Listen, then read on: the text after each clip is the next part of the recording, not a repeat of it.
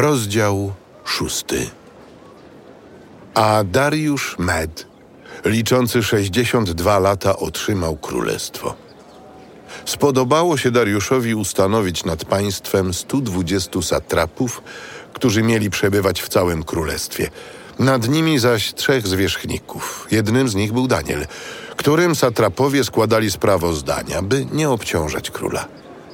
Daniel zaś przewyższał zwierzchników i satrapów, miał bowiem niezwykłego ducha.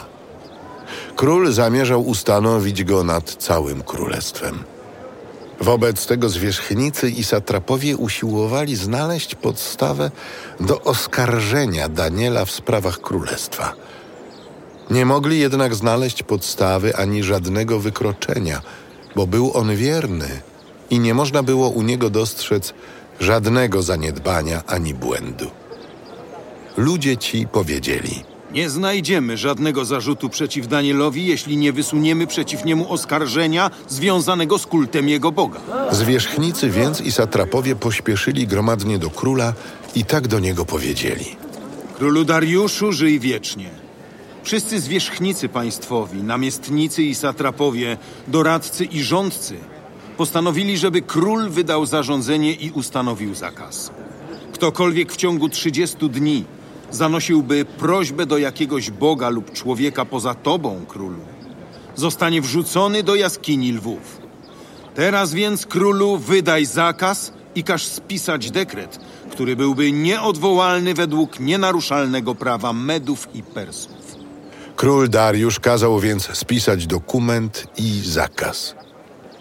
Gdy Daniel dowiedział się, że spisano dokument, poszedł do swego domu. Miał on w swoim górnym pokoju okna skierowane ku Jerozolimie.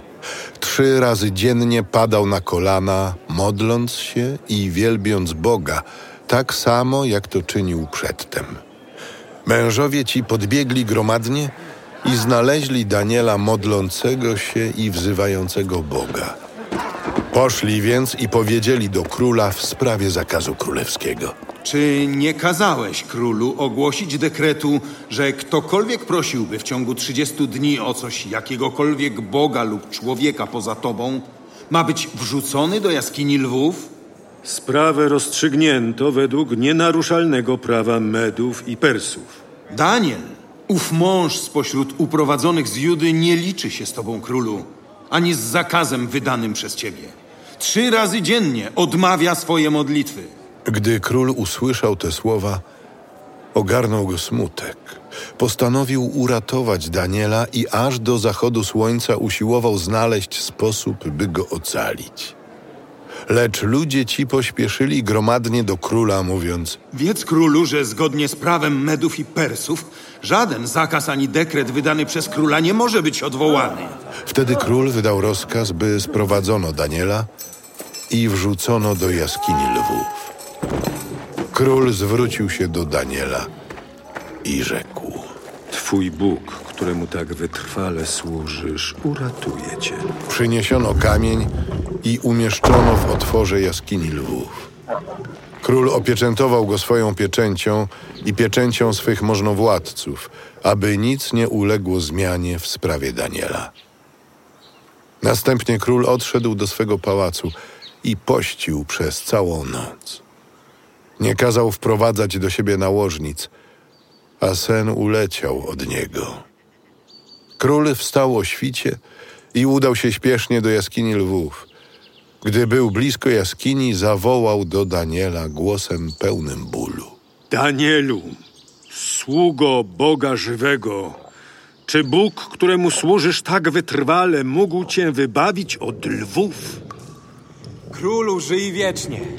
Mój Bóg posłał swego anioła i on zamknął paszczę lwom.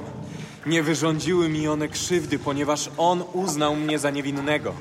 A także wobec ciebie nie uczyniłem nic złego. Uradował się z tego król i rozkazał wydobyć Daniela z jaskini lwów. Nie znaleziono na nim żadnej rany, bo zaufał swemu Bogu. Na rozkaz króla przyprowadzono mężów, którzy oskarżyli Daniela i wrzucono do jaskini lwów ich samych, ich dzieci i żony. Nim jeszcze spadli na dno jaskini, pochwyciły ich lwy i zmiażdżyły ich kości. Król Dariusz napisał do wszystkich narodów, ludów i języków, jakie są na całej ziemi. Pełni pokoju wam życzę. Wydaje niniejszy dekret, by na całym obszarze mojego królestwa odczuwano lęk i drżenie przed Bogiem Daniela, bo On jest Bogiem żywym i trwa na wieki. On ratuje i uwalnia, dokonuje znaków i cudów na niebie i na ziemi. On uratował Daniela z mocy lwów. Ów Daniel zaś zażywał pomyślności zapanowania Dariusza i zapanowania Persa Cyrusa.